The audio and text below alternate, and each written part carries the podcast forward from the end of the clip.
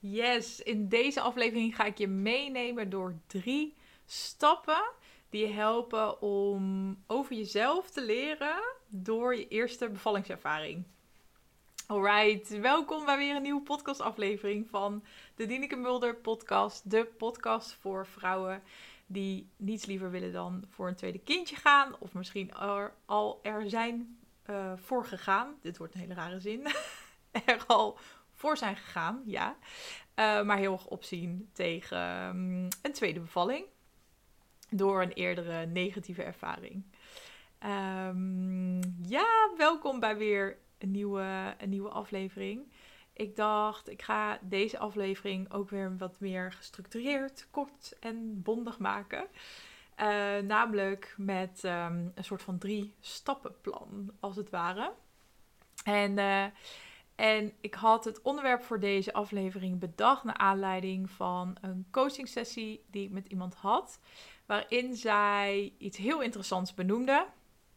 Wat ik namelijk in mijn coaching sessies met vrouwen doe, is dat um, we eigenlijk jouw hele bevallingsverhaal weer gaan doorlopen, echt tot in detail. En dat we op zoek gaan naar uh, de specifieke dingen die gemaakt hebben dat jij uh, het op een bepaalde manier hebt ervaren. En we gaan kijken wat daar dan ja, wat je daaruit kan halen, hoe, wat het te maken heeft met jezelf. En we gaan ook allerlei connecties maken met hoe jij uh, daarvoor ook in het leven stond en wat je in het dagelijks leven tegenkomt. Vind ik super interessant en echt het aller, aller, allerleukste om te mogen doen. Um, en dat was ik dus met, uh, met iemand aan het doen. We zijn inmiddels al een paar sessies bezig. En zij noemde dat ze het um, ja, heel heel interessant vindt en dat ze er superveel inzichten uithaalt, maar dat ze het ook heel confronterend vindt. En toen noemde ze, ze zei, ja, er zijn best wel veel rode vlaggen in mijn bevallingsverhaal. En toen zei ik, ik zei nou, rode vlaggen klinkt wel heel negatief. Ik denk niet dat je, uh, dat je er zo naar hoeft te kijken. Ik denk dat je het echt veel positiever mag zien. En toen was ik daar s'avonds nog over na aan het denken. En toen dacht ik, ja, als ik dit visueel zou maken, hoe zou ik hier dan naar kijken? En, meer ook in positieve zin. En toen kwam opeens uh, het volgende bij me op. Toen dacht ik aan een soort van schatkaart. Dus je kent wel misschien die uh, schatkaart die je vroeger in tekenfilms zag of in stripboeken bijvoorbeeld. Dat is echt zo'n soort van bruine, gele, oude kaart met zo'n heel soort van paadje eroverheen, zo'n stippellijntje als het ware. En uh, waar je dan allemaal aanwijzingen op vindt om vervolgens weer verder te komen op je pad, op de weg, op de reis naar de schat uiteindelijk. En toen dacht ik, ja, dit is ook precies hoe ik het zou omschrijven. Niet als in de rode vlaggen, maar juist aanwijzingen die je helpen om weer verder te komen op dat pad uiteindelijk naar het vinden van de schat. Uh, dus toen uh, mailde ik dat s'avonds nog even naar haar. En toen zei ze van ja, dit is wel een hele mooie visualisatie, zeg maar. Uh, iets hoe je het heel positief ook kan omschrijven. Um, dus naar aanleiding daarvan dacht ik, ik ga hier een podcastaflevering over maken. En uh, wat ik zie namelijk in dat proces van dus de schatkaart uh, belopen, als het ware, zie ik drie stappen die je kan nemen. En uiteindelijk kom je dan bij de schat uit. En de schat zie ik dan heel erg als de inzichten die je kan opdoen over jezelf. Dus wat kan je leren over jezelf door die negatieve ervaring. Dus wat uh, voor positiefs kan je er allemaal uithalen uit een negatieve ervaring. Daar is, uh, dat is uiteindelijk waar ik natuurlijk super veel over deel, ook in deze podcast en ook op Instagram. Um, dus dat leek me wel leuk om te doen. En zelf zie ik, um, zie ik in dit proces maar drie stappen. Dus ik opschreef net al dus de schatkaart. En überhaupt, je hebt natuurlijk de schatkaart, maar ook überhaupt de, het pad wat je dus gaat bewandelen met die schatkaart in de hand. Het is natuurlijk niet alleen de schatkaart, maar als je hem helemaal uitvergroot en misschien denkt aan boeken die je vroeger als kind las of films die je zag waarin er een soort van held was die dan op zoek ging naar de schat. Die ging dus aan de hand van die kaart ging diegene kijken van oké, welke kant moet ik op en welke aanwijzingen, geheime aanwijzingen soms hè, want soms dan zie je, zie je ze niet eens op de kaart staan, maar kom je ze onderweg tegen. Mm, wat kan ik uh, doen uiteindelijk om bij die schat uit te komen. En de aanwijzingen daarin zijn ehm, heel belangrijk. Ehm, dus dat zie ik ook zelf als de eerste stap. En het klinkt misschien een beetje vaag, maar de stap 1 zou echt zijn: ga op zoek naar de aanwijzingen in je eigen verhaal. En wat je daarin kan doen, is als eerste je verhaal op te schrijven. En als je dat niet zo fijn vindt, wat ik heb gedaan in het begin, en daar ben ik nu super blij mee, is dat ik mijn bevallingsverhaal heb ingesproken. Toen was ik nog helemaal niet bezig met podcasten. Maar ik heb dus twee dagen na mijn bevalling heb ik mijn bevalling ingesproken als een voicebericht. Um, in eerste instantie omdat ik het wilde delen met een ehm, groepje vrouwen, een WhatsApp groep. Uh, waar ik tijdens mijn zwangerschap ook onderdeel van was. Daar had ik een soort van cursus mee gevolgd. En ik dacht, ik vond het toen al heel fijn om uh, gewoon voiceberichtjes in te spreken in plaats van dingen te typen of te schrijven dat paste gewoon nooit heel erg bij mij. Dus best wel grappig trouwens. Dus dat ik dus ook een podcast ben begonnen. Uh, maar nu ben ik daar heel blij mee. Want ik heb dat verhaal toen ingesproken in twee voiceberichtjes. Die ik nog steeds heb. Echt best wel bijzonder. En ik ben ook heel blij dat ik dat dus echt... Nou, het was serieus twee dagen na mijn bevalling heb ik dat gedaan.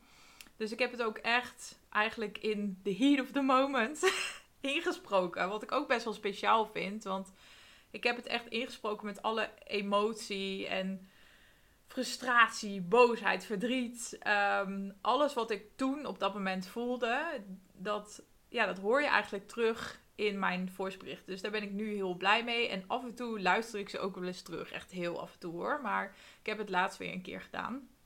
Ehm, dus dat is eigenlijk hoe je zelf op zoek kan gaan naar de aanwijzingen.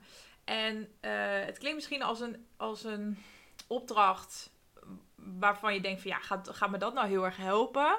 Maar het is echt bizar wat het met je doet als je dus je eigen verhaal dus inspreekt of opschrijft en het vervolgens gaat teruglezen. Want je gaat het dan teruglezen en terugluisteren als niet, misschien niet zozeer uit, als jezelf, maar meer als een observeerder van je eigen verhaal.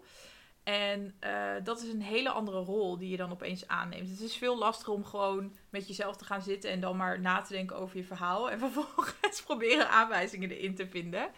Um, dus dat zou, ja, zou mijn eerste stap zijn eigenlijk om mee te starten. Dus ga eigenlijk, als we teruggaan naar de, naar de schatkaart Ga uh, proberen om dus je eigen schatkaart, als het ware, uit te tekenen. En hoe verder je in je verhaal komt, hoe um, duidelijker die schatkaart zich gaat ontvouwen, als het ware. Uh, dus dat is even om het visueel te maken. Dus hoe verder je eigenlijk op dat pad gaat komen naar de schat, hoe meer ja, uh, niet informatie, maar hoe meer aanwijzingen uiteindelijk um, duidelijk gaan worden. En uh, misschien om een, om een voorbeeld um, daarvan te geven. Dus wat voor, over wat voor aanwijzingen um, heb ik het dan? um, ik heb wel eens eerder een voorbeeld uit. Ik ga even een voorbeeld uit mijn eigen verhaal delen. maar wat ik zelf achteraf een hele mooie aanwijzing vond, is. Uh, of wat ik heb geleerd ook over mezelf, is bijvoorbeeld. Mijn vliezen waren gebroken en we gingen uiteindelijk uh, naar het ziekenhuis, maar daar werden we weer, weer weggestuurd. Terwijl ik had al helemaal in mijn hoofd van oké, we blijven hier nu en ik ga je bevallen, want protocol. En uh, ik stond, toen stond ik er heel anders in en ik dacht oké, ik moet gewoon um, volgen en luisteren wat er gezegd wordt. Dus ik had helemaal in mijn hoofd van oké, geen thuisbevalling meer wilde ik heel graag. Maar mijn vliezen waren gebroken en, en er werd tegen mij gezegd: als je niet binnen 24 uur goede week krijgt, dan moet je in het ziekenhuis bevallen. Dus dat had ik helemaal in mijn hoofd bedacht. Dus ik baalde er al heel erg van dat wat ik graag wilde, dat dat nou ja, niet door kon gaan op dat moment. En toen gingen we naar het ziekenhuis en toen werd er gezegd: Je bent nog niet ver genoeg, dus ga eerst nog maar weer naar huis. En ik vond dat zo, de, zo'n deceptie en zo'n lastig uh, moment op dat moment. Maar als ik dat nu wat meer um, observeer, ik snap echt helemaal waarom ik op dat moment me naar huis heb laten sturen en die keuze heb gemaakt. Maar ik vind het ook heel interessant omdat het heel erg past bij hoe ik op dat moment in het leven stond. Dus dat was voor mij een hele mooie aanwijzing. Ik vond het namelijk heel lastig om ruimte in te nemen. Ik vond het heel lastig om mijn behoeftes uit te spreken. Als ik nu weer zou bevallen en waarschijnlijk weer in zo'n moment zou komen, um, dan zou ik ehm, waarschijnlijk al tegen mijn vriend hebben gezegd van... Oké, ik wil gewoon heel graag hier blijven. Want ik heb nu in mijn hoofd bedacht dat we gewoon hier, hier, dat we hier gewoon gaan blijven. Dat ik hier ga bevallen. Dus zou je me alsjeblieft willen helpen om dat aan te geven? Of misschien was het me zelfs wel gelukt. Maar wel weet je natuurlijk, hè. Maar om zelf die behoefte uit te spreken. Of in ieder geval uit te spreken hoe ik me voelde op dat moment. Want ik voelde me daar echt heel rot over. Alleen ik deelde het niet. En dat deed ik ook niet. Ehm, bijna nooit. Ik deelde bijna nooit. Dus even hoe ik in het leven stond voor mijn bevalling. Hoe, wat er in me omging. Hoe ik me echt voelde. Ik hield eigenlijk alles binnen. Totdat het niet meer kon. En dan was het echt een soort van ontploffing. Ehm, maar dat is een voorbeeld van een aanwijzing die ik in mijn eigen bevallingsverhaal ben tegengekomen. En ehm, waar ik heel veel aan heb gehad. En nogmaals, de bedoeling hiervan is niet dat je. Ehm, en dat kan natuurlijk gebeuren, maar dat je je volgens schuldgevoel krijgt. Of dat je denkt van, oh, wat als ik me toen wel had uitgesproken bijvoorbeeld. En het kan heel goed hè, dat dat omhoog komt.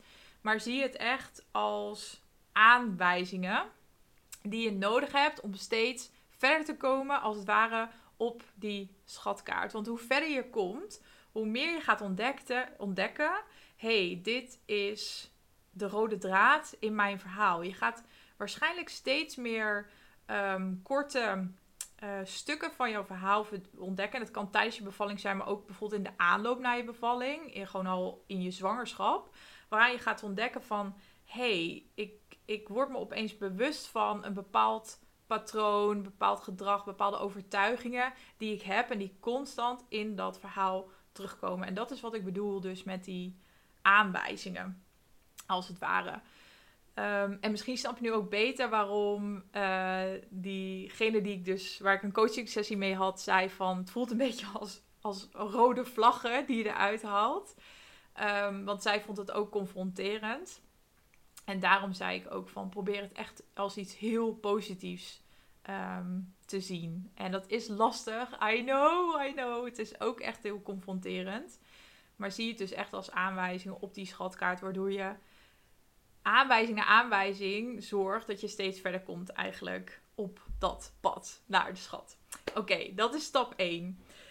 Dan, even kijken hoor. Ik heb altijd een lijstje erbij geschreven. Even kijken of ik niets vergeten ben. Ehm, ja, stap 2.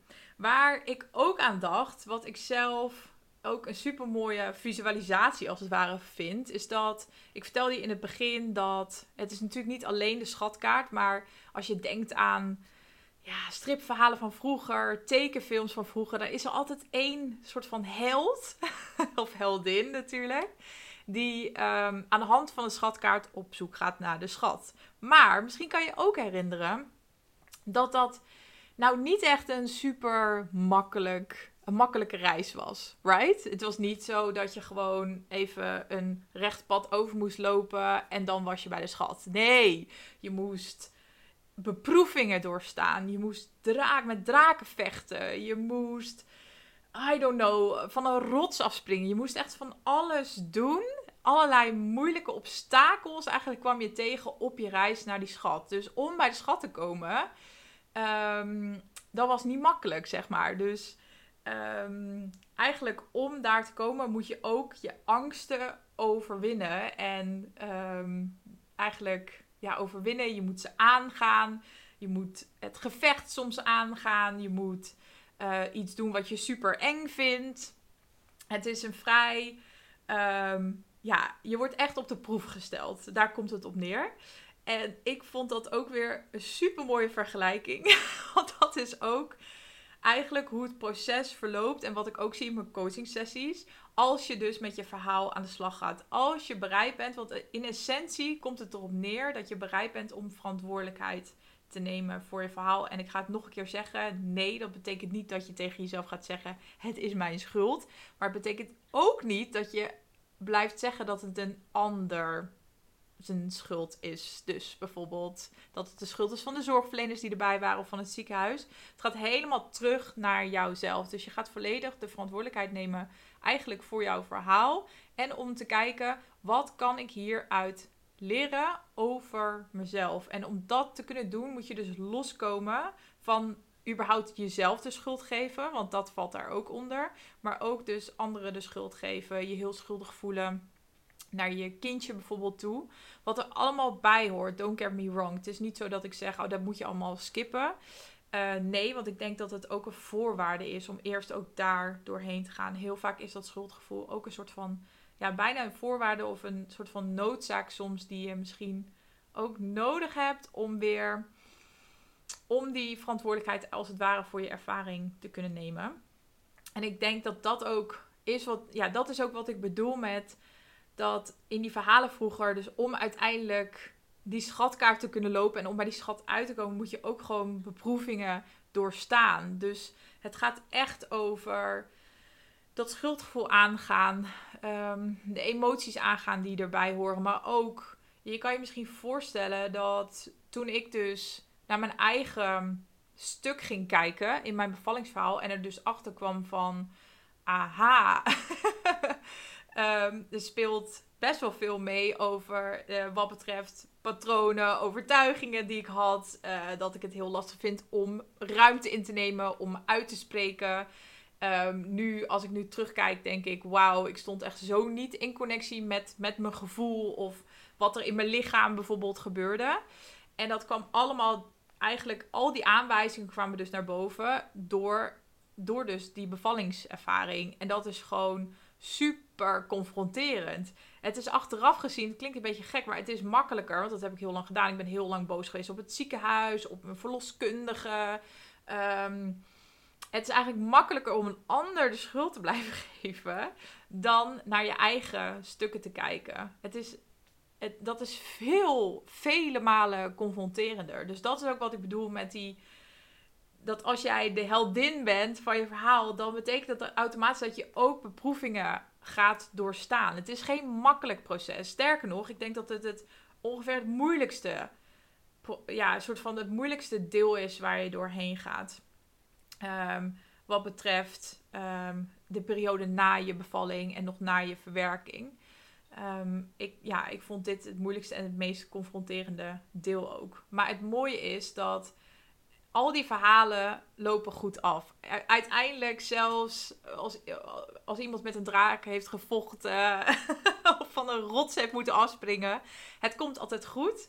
En daarna vinden ze de schat. Dat is uiteindelijk um, het vooruitzicht. En ik geloof ook heel erg, er is een gezegde volgens mij wat gaat... Ach, ik weet niet meer. Ik heb het een keer gehoord. Geen idee meer van wie. Dus sorry als ik de credits niet goed zeg. Maar het gaat over dat na de weerstand of achter de weerstand, daar komt de groei. De echte, echte groei, zeg maar persoonlijke groei, dat, dat komt niet uit een periode waar het allemaal supergoed met je ging. Groei komt uit periodes waarin je het heel zwaar uh, had. Of waarin het confronterend was. Um, waarin allemaal gevoelens komen kijken die je eigenlijk helemaal niet wil ervaren. Dus dat is wat ik bedoel uiteindelijk met die met het aangaan van die beproevingen. Wat uiteindelijk hoort bij je pad, bij de reis op die schatkaart naar de schat. Dus dat is wat, me, wat, wat mij betreft.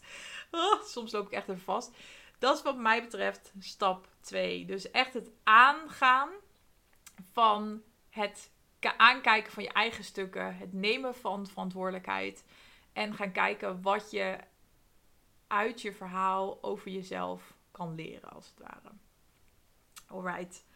Um, ja. Ja, ja, ja, ja, ja. Dat was stap 2. Alright. Dan. Um, ja, en wat het mooie is dus uit dat proces, dus wat ik net zei, achter de weerstand zit de groei, daar zit de transformatie. Want daar kan je wat mee. Daardoor kan je uh, patronen waar je daarvoor in zat, maar je totaal niet bewust van was, kan je gaan loslaten, bijvoorbeeld. Daardoor ehm, kan je oude overtuigingen loslaten. Dit zijn allemaal dingen waar je daarvoor niet bewust van was. Maar juist doordat je dus dat pad gaat bewandelen, juist doordat je naar je verhaal gaat kijken en die aanwijzingen uit gaat pakken, daardoor word je dus bewust van dingen. En als je bewust ergens van bent, je kan lastig ergens mee aan de slag als je er niet bewust van bent. Maar op het moment dat je er wel bewust van bent, ehm, kan je er dus wel mee aan de slag en kan je daardoor ehm, gaan groeien. En dat gaat je uiteindelijk ook weer helpen in ehm, dat uh, hele proces, zeg maar, naar je volgende bevalling toe en het kunnen gaan uh, vol vertrouwen eigenlijk voor een tweede kindje. dus dat nog even over stap 2. En dat groeien, wat ik daarmee bedoel, is ook het loslaten van die patronen. Um, nou, ik denk dat een hele bekende, ik heb hem al vaker genoemd, is dus bijvoorbeeld oef, gaan oefenen met ruimte innemen. Dus je behoeftes gaan uitspreken. En um, nou, dat kan op heel veel verschillende manieren, maar dus echt meer um, zelf ruimte gaan innemen. en daardoor uh, ervoor zorgen dat waar jij behoefte aan hebt, dat je dat ehm, ja, eigenlijk voor elkaar gaat krijgen, als het ware.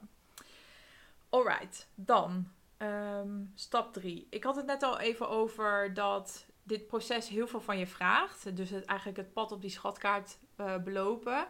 Het vraagt namelijk van je dat je loskomt van schuldgevoelens. Dat je niet meer de schuld bij anderen neerlegt. Zoals bijvoorbeeld zorgverleners of het ziekenhuis. Of misschien als het wel je partner. Maar dat je dus eigenlijk naar je eigen stuk gaat kijken.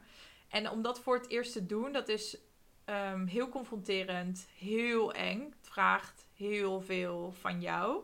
Maar het mooie is dat daarin eigenlijk, ja, hoe ik er naar kijk, is dat juist door ehm, de schuld neer te leggen bij anderen, maak je jezelf als het ware machteloos. Dus je geeft je kracht eigenlijk weg. Terwijl door, en dan bedoel ik niet de schuld bij jezelf neer te leggen. Nee, het gaat over verantwoordelijkheid nemen voor je ervaring.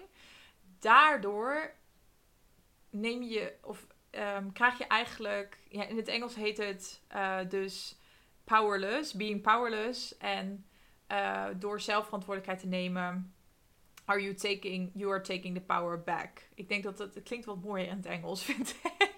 je, je pakt dus eigenlijk je kracht terug. Maar het mooie daarvan is, is dat als je dus aan de slag gaat met die aanwijzingen, als je dus aan de slag gaat van hé, hey, ik zie opeens dat dingen waar ik al eerder tegenaan liep in mijn leven terugkomen tijdens de bevalling. En ik durf je bijna te garanderen dat dat zo is. Echt denk ik 99 procent. Ehm, ga je dat zien in je eigen verhaal.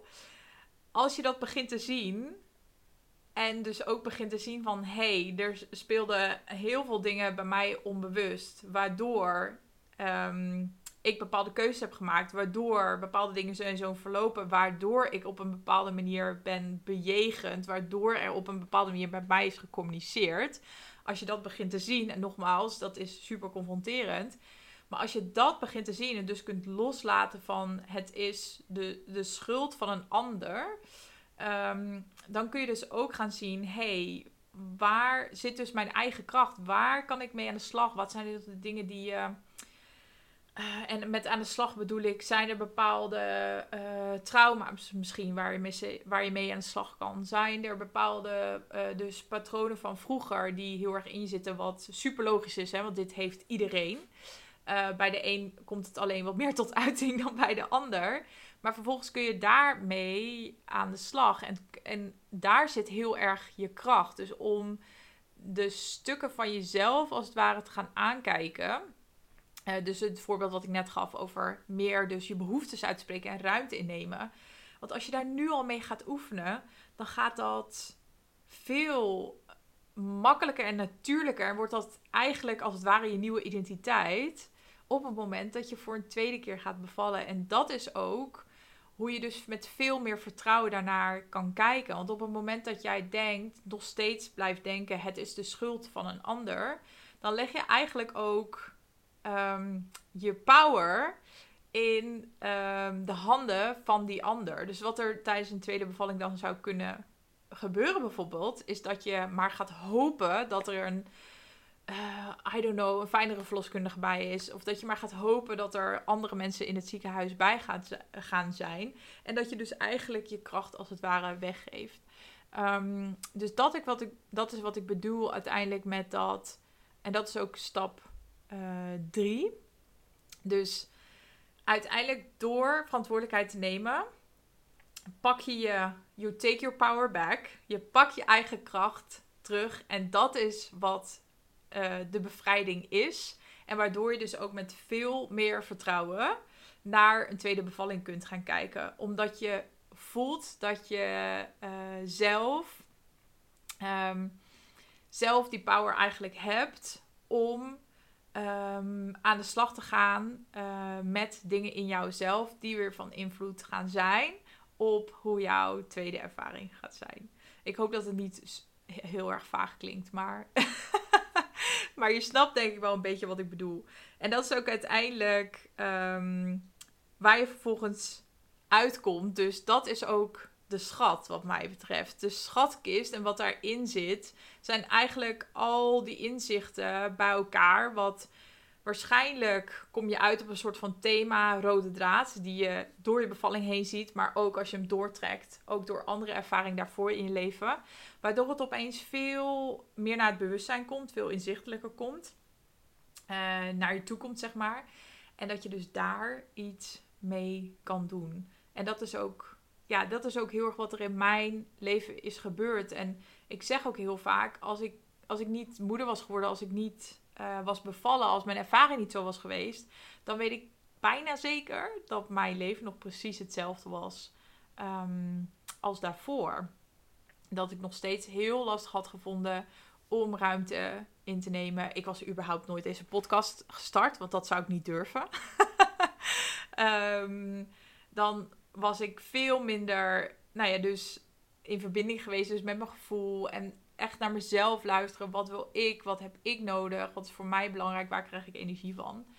Um, en dat is heel erg belangrijk. En dat maakt ook waardoor ik. Een, je weet nooit hoe het gaat lopen. Hè? Um, want je kan de regie nemen, maar je kan niet het proces van bevallen natuurlijk niet controleren. Um, maar je kan wel de regie nemen. Maar uiteindelijk weet ik ook niet wat er uiteindelijk gaat gebeuren. En misschien, ik wil heel graag thuis bevallen weer. Maar het kan natuurlijk zijn dat er een medische situatie zich voordoet waardoor ik zelf besluit: oké, ik vind het risico te groot, dus ik wil in het ziekenhuis bevallen. Um, en dat zou voor mij ook wel even schakelen weer zijn. Maar ik merk wel dat juist door wat ik allemaal over mezelf heb geleerd en hoe ik hierdoor ben gegroeid in deze situatie, dat ik veel meer vertrouwen heb in um, dat ik de juiste mensen om me heen kan verzamelen. Dat ik samen met mijn partner gewoon een heel fijne sfeer kan creëren, eigenlijk voor mezelf. Dat ik in staat ben om, ben om mijn behoeftes aan te geven. En uh, dat wordt, nog, wordt natuurlijk steeds lastiger als je echt midden in de persfase zit. Maar er gaan al zoveel stappen eigenlijk aan vooraf, waarin je wel gewoon um, regie kan nemen en je behoeftes kan aangeven en ruimte in kan nemen om gewoon een zo optimale setting en situatie voor jezelf te creëren. Ik denk dat het daar uiteindelijk om gaat. Um, ja, dus dat nog even over stap 3. Ik zit even te kijken of ik nog wat uh, vergeten ben. Ja, dus wat ik ook heb opgeschreven, verantwoordelijkheid nemen, dat geeft je uiteindelijk kracht. Dat geeft je echt zoveel kracht. En misschien kan je ook voorstellen dat dat zoveel meer kracht geeft dan, um, ja, dan eigenlijk jezelf de schuld te blijven geven of anderen de schuld te blijven geven. Want daardoor blijf je constant in een soort van ja, visuele cirkel als het ware zitten. Terwijl verantwoordelijkheid nemen, het lijkt altijd heel zwaar en heel confronterend. Maar uiteindelijk, als je daardoor heen bent, geeft het je echt heel veel kracht. Dus dat wil ik nog even aan toevoegen. Alright. Um, ik heb in het begin een beetje beschreven, want toen gaf ik een hele praktische tip. Namelijk om je verhaal helemaal in te spreken of uit te schrijven. En hoe je daar volgens mij aan de slag kan en die aanwijzingen kan zoeken. Als je denkt, ik wil het wel, maar I don't know how. dus het lijkt je best wel lastig om hiermee te starten. Um, dan uh, zou ik zeggen, stuur me even een DM. Want ik vind het heel leuk om met je mee te denken. Om je hierin te helpen. En um, ik krijg nu vaker DM's van vrouwen. Waar ik echt uh, heel gelukkig van word. Vind ik echt heel leuk. Dus um, deel je verhaal met mij. En dan kan ik kijken of ik met je mee kan denken. En je bepaalde vragen kan stellen of je kan helpen. En je kan zelfs rechtstreeks een gesprekje met mij inplannen. Is echt super makkelijk en gratis. En dat kan via de link hieronder in de show notes. Daar zie je een linkje staan en dan kan je rechtstreeks in mijn agenda kan je een, uh, een gesprekje inplannen, volgens mij van 45 minuten. Um, dus dan uh, kunnen we elkaar even leren kennen en dan kan je ook je verhaal met mij delen. Um, dus doe dat vooral als je voelt dat het iets um, voor jou is en dat je graag uh, met mij even in real life zou willen sparren. En daarnaast wil ik je vragen, als je het leuk vindt om naar mijn podcast te luisteren, zou je me dan alsjeblieft een 5 sterren review willen geven op Spotify of Apple Podcast. Het is echt twee seconden werk. Je hoeft alleen maar de sterretjes aan te klikken. Um, volgens mij, Apple Podcast dacht ik, moet je helemaal naar beneden scrollen voor een review. En in Spotify is het op, eigenlijk op de hoofdpagina van mijn podcast. Dan zie je die sterretjes staan. Ik heb inmiddels al best wel wat beoordelingen. Vet blij mee. Uh, dus dan kun je gewoon die sterretjes aanklikken en that's it. Je hoeft verder echt helemaal niks te doen. Dus maak je mij heel blij mee. En je zorgt ervoor dat andere vrouwen makkelijker mijn podcast kunnen vinden. Dus uh, heel fijn als je dat zou willen doen. Dankjewel weer voor het luisteren. En um, tot de volgende, zou ik zeggen. Oh, misschien nog één ding. Mocht je nou onderwerpen uh, willen horen in mijn podcast, daar ideeën over hebben of mijn visie daarop willen horen, dan mag je me ook een DM sturen natuurlijk via Instagram. Vind ik ook heel leuk om te horen. Oké, doei doei!